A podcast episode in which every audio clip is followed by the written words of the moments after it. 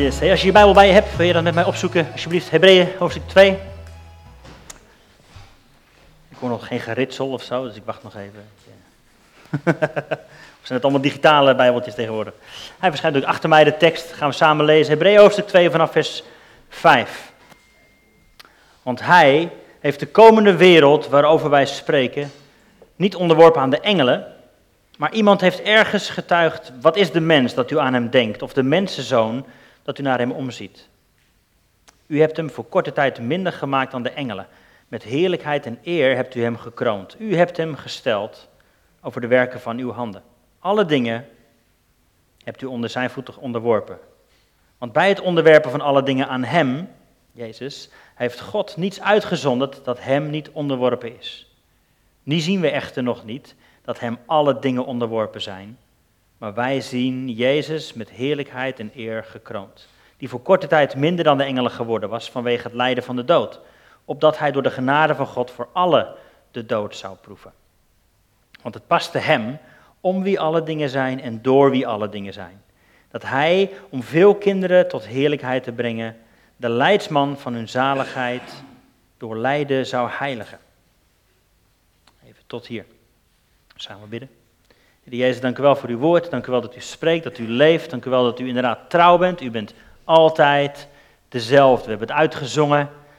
Misschien meer met ons hoofd dan met ons hart. Maar soms werkt het zo. We hebben tijd nodig om dat in te laten zinken. Om te weten dat u altijd trouw bent. Ben ik ontrouw? U blijft altijd dezelfde. En we willen bidden dat, uh, dat u vandaag tot ons spreekt. Heilige Geest, waai door de rijen, waai door ons heen en spreek uw woord. Al is het één zin uit een liedje, al is het één gedachte, één bijbeltekst, Heer, maar spreek leven, spreek hoop, spreek waarheid. In Jezus' naam. Amen. Amen. Yes.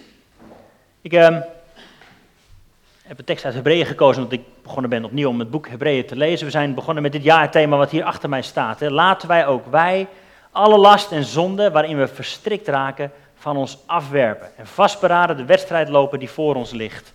En laten we daarbij onze blik gericht houden op Jezus. Hij is de grondlegger en de voleinder van ons geloof. Een tekst uit Hebreeën 12.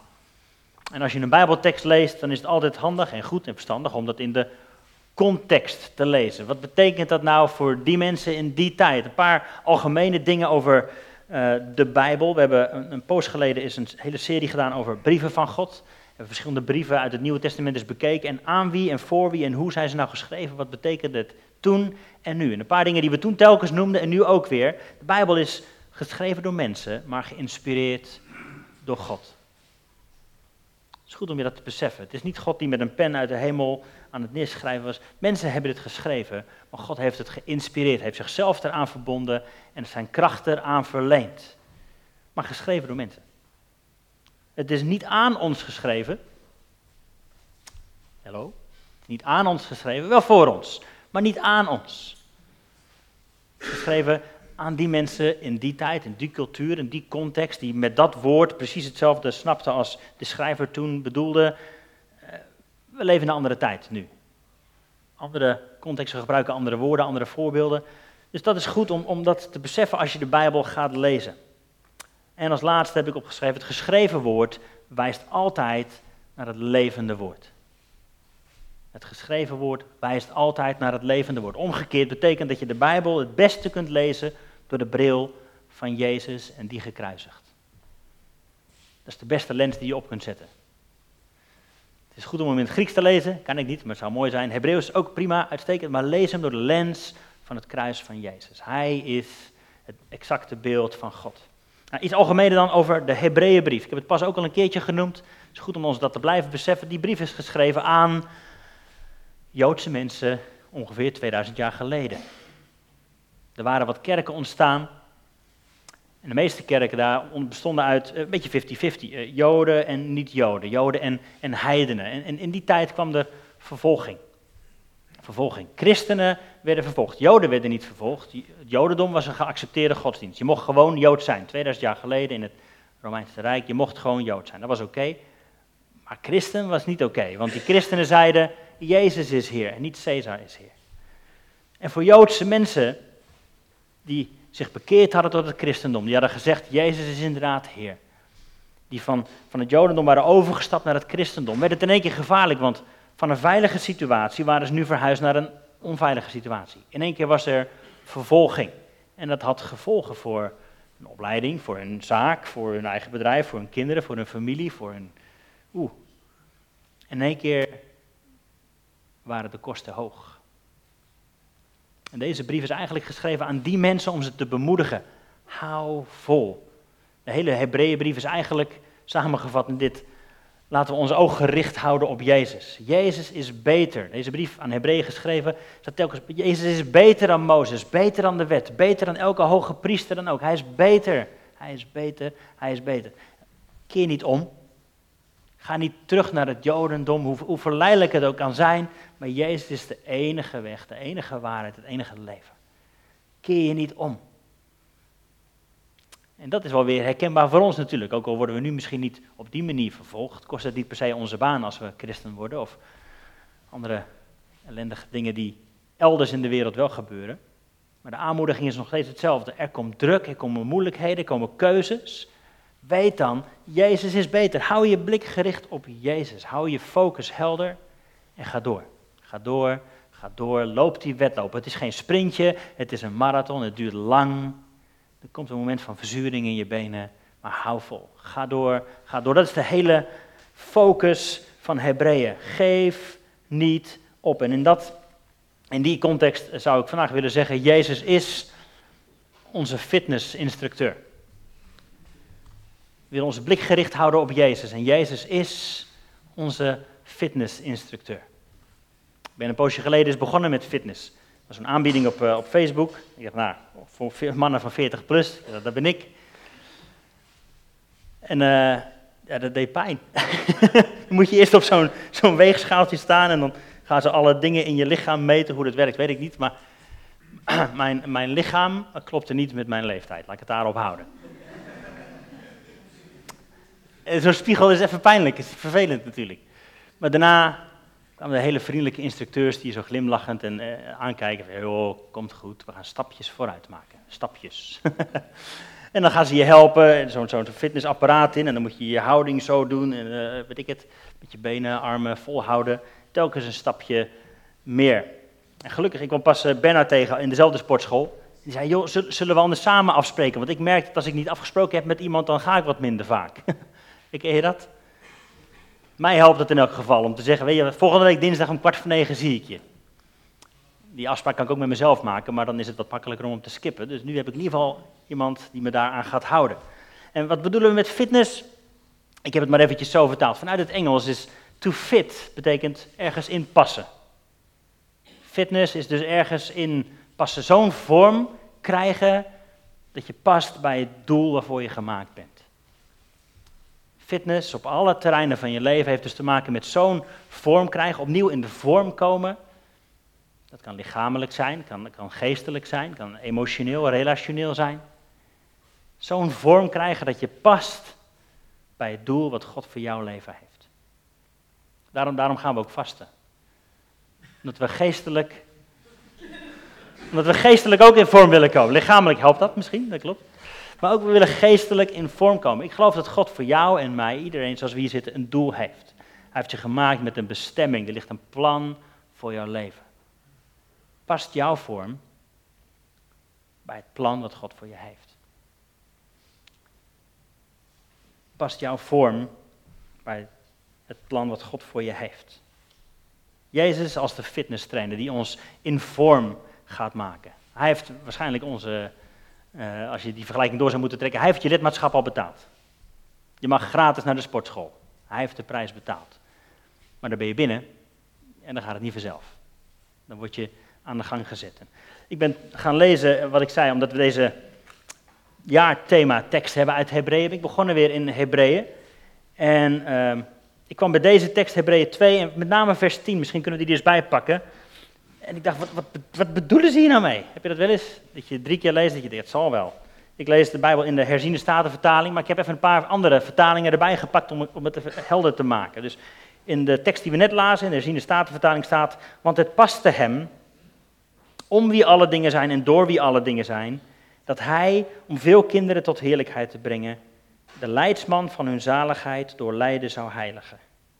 Dat zijn fantastische woorden en zinnen, maar ik moet dat altijd even in laten werken of zo. Dus ik heb wat andere vertalingen bijgepakt. Bijbel in gewone taal, dus voor mensen zoals ik. Omdat Jezus zijn lijden tot het einde toe heeft volgehouden, heeft God hem alle eer gegeven in de hemel. Zo is hij redder van veel mensen geworden, zo moest het gebeuren. Zo wilde God, die alles gemaakt heeft, de mensen redden. Oké. Andere vertaling dan, de NBG.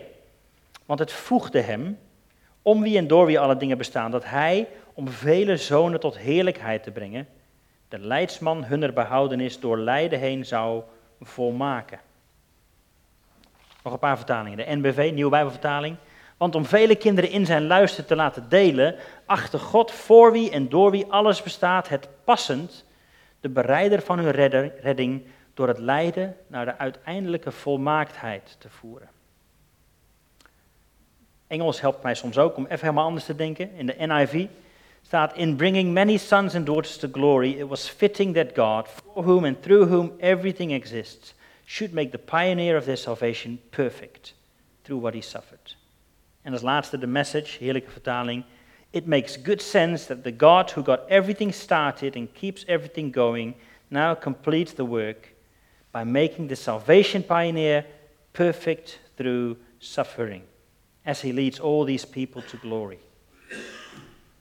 Ik heb wat centrale woorden genoteerd. Op de volgende sheet staat het wel centrale woord heeft te maken met vervolmaken, met, met heiligen, met volmaaktheid, perfectioneren of redden.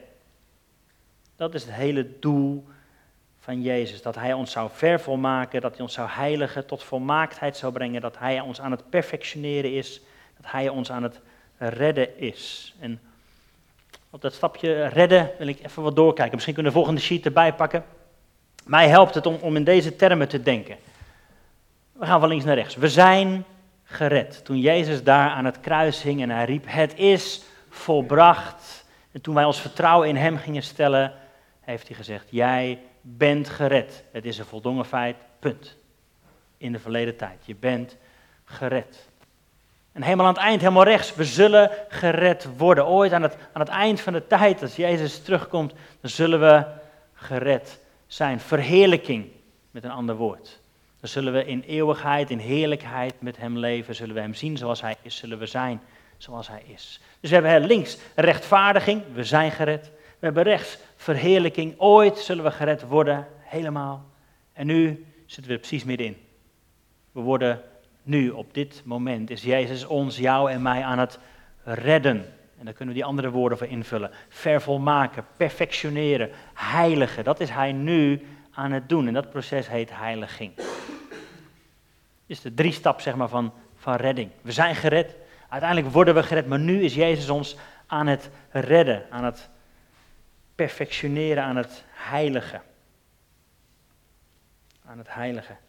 Misschien kun je hiermee vergelijken met een, een vogeltje wat geboren wordt. Die, die is geboren. En die gaat ooit vliegen.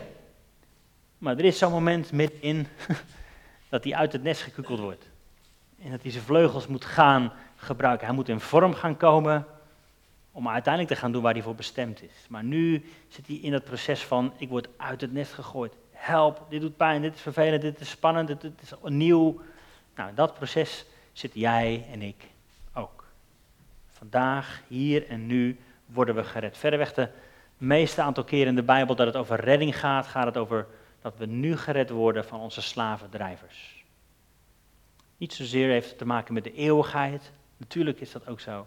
Maar we worden nu gered van dat wat ons onderdrukt. Volgende tekst dan in Romeinen 5, zou ik graag willen lezen.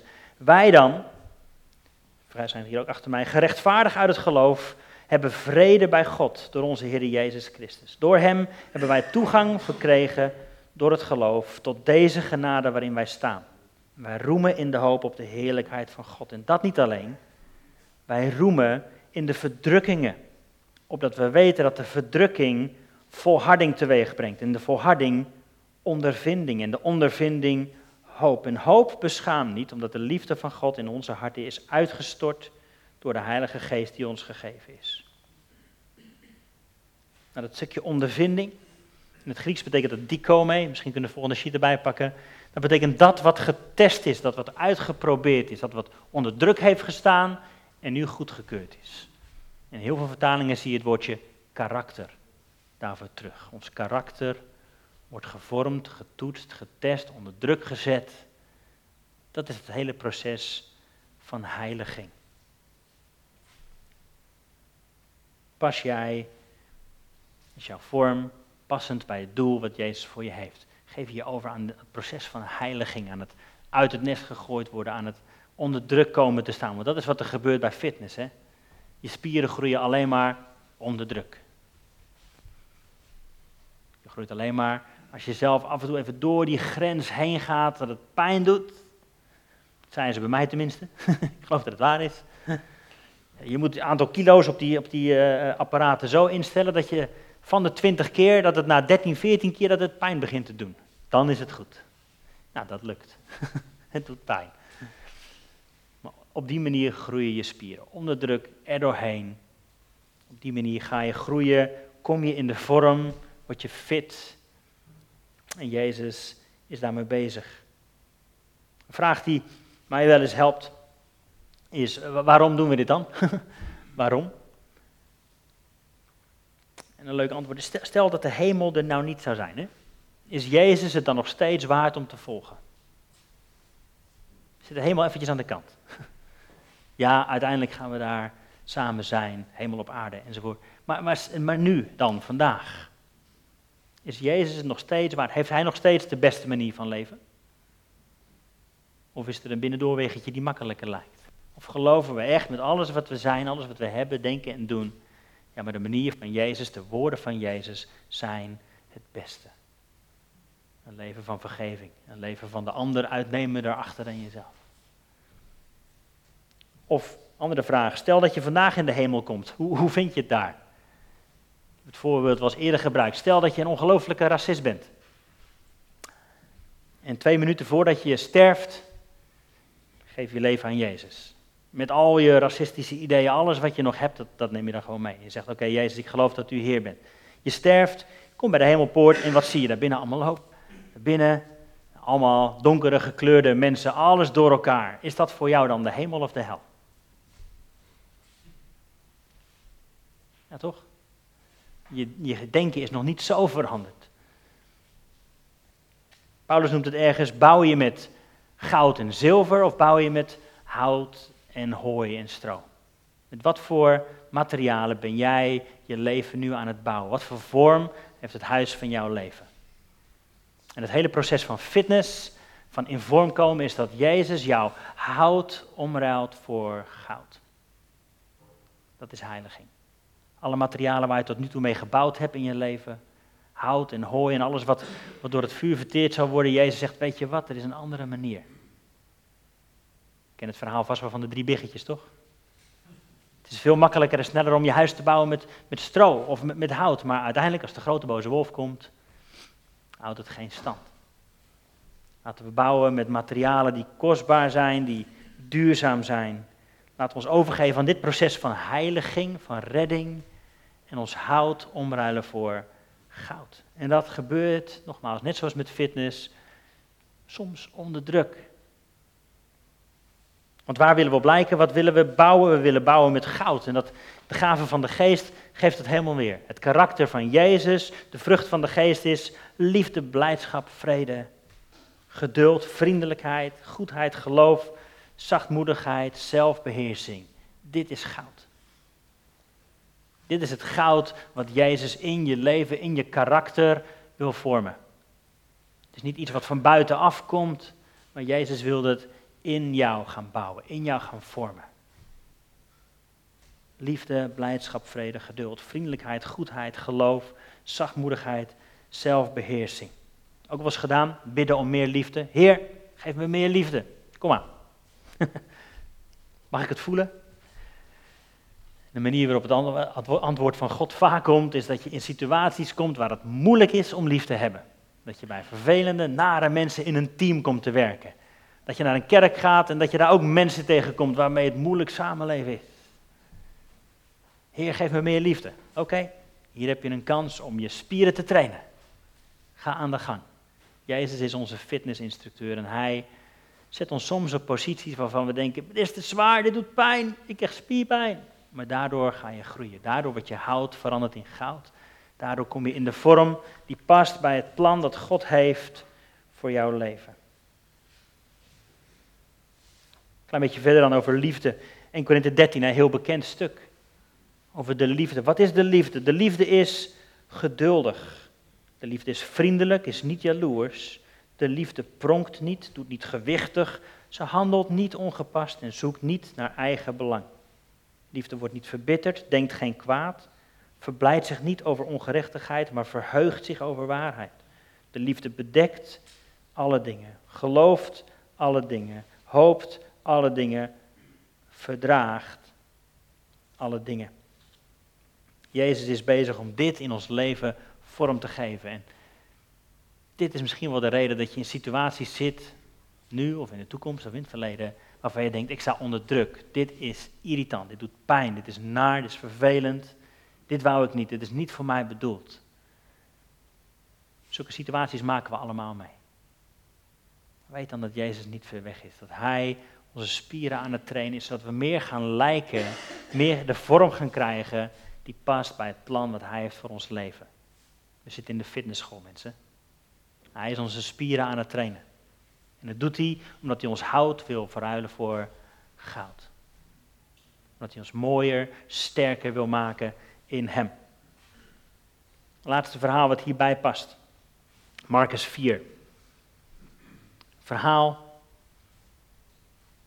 over Jezus en zijn discipelen. Op die dag, het was avond geworden, zei Jezus tegen hen, laten we overvaren naar de overkant.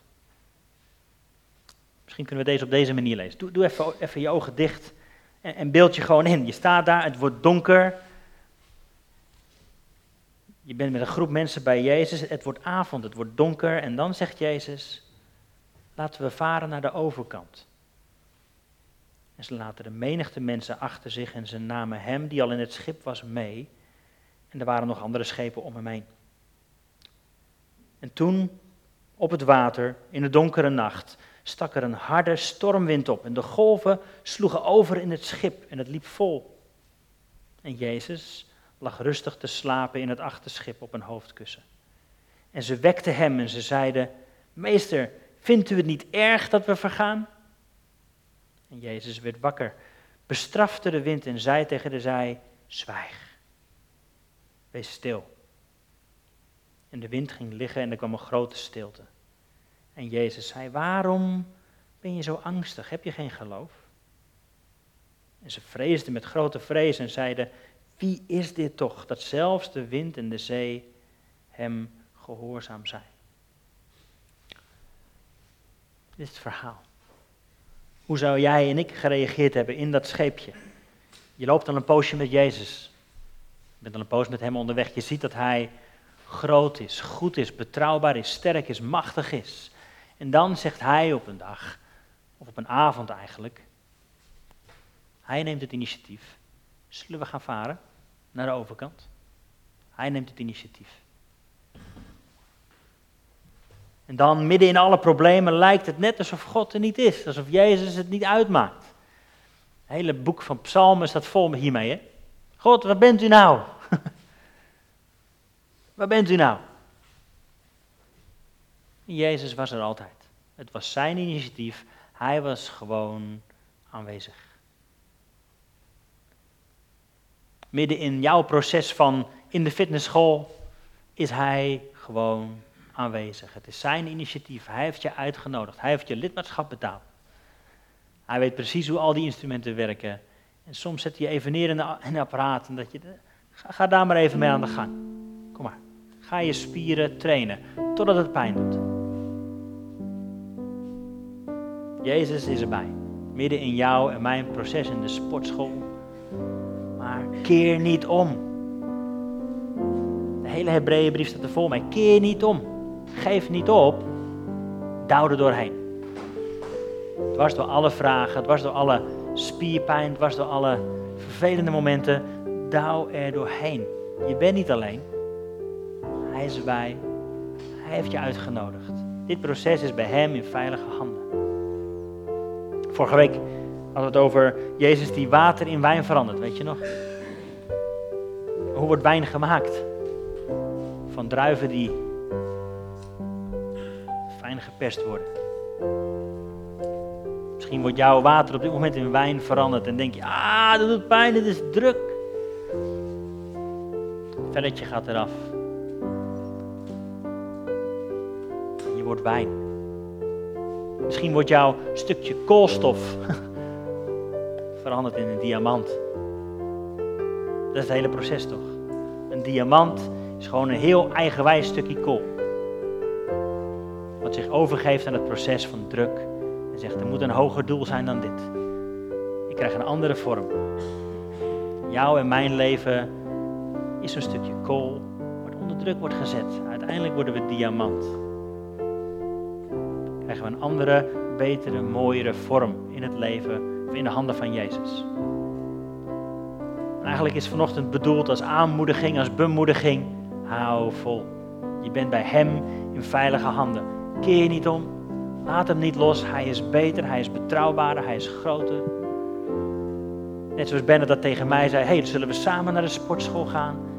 Zoek andere mensen op en zeg, zullen, zullen we hier samen doorheen gaan? Zullen we samen door dit proces heen douwen tot we een betere vorm krijgen, tot we fit worden, tot we passen bij dat doel wat Jezus heeft voor ons leven. Dat doel is hoger en groter en mooier en enger dan wat past bij de vorm die we nu hebben.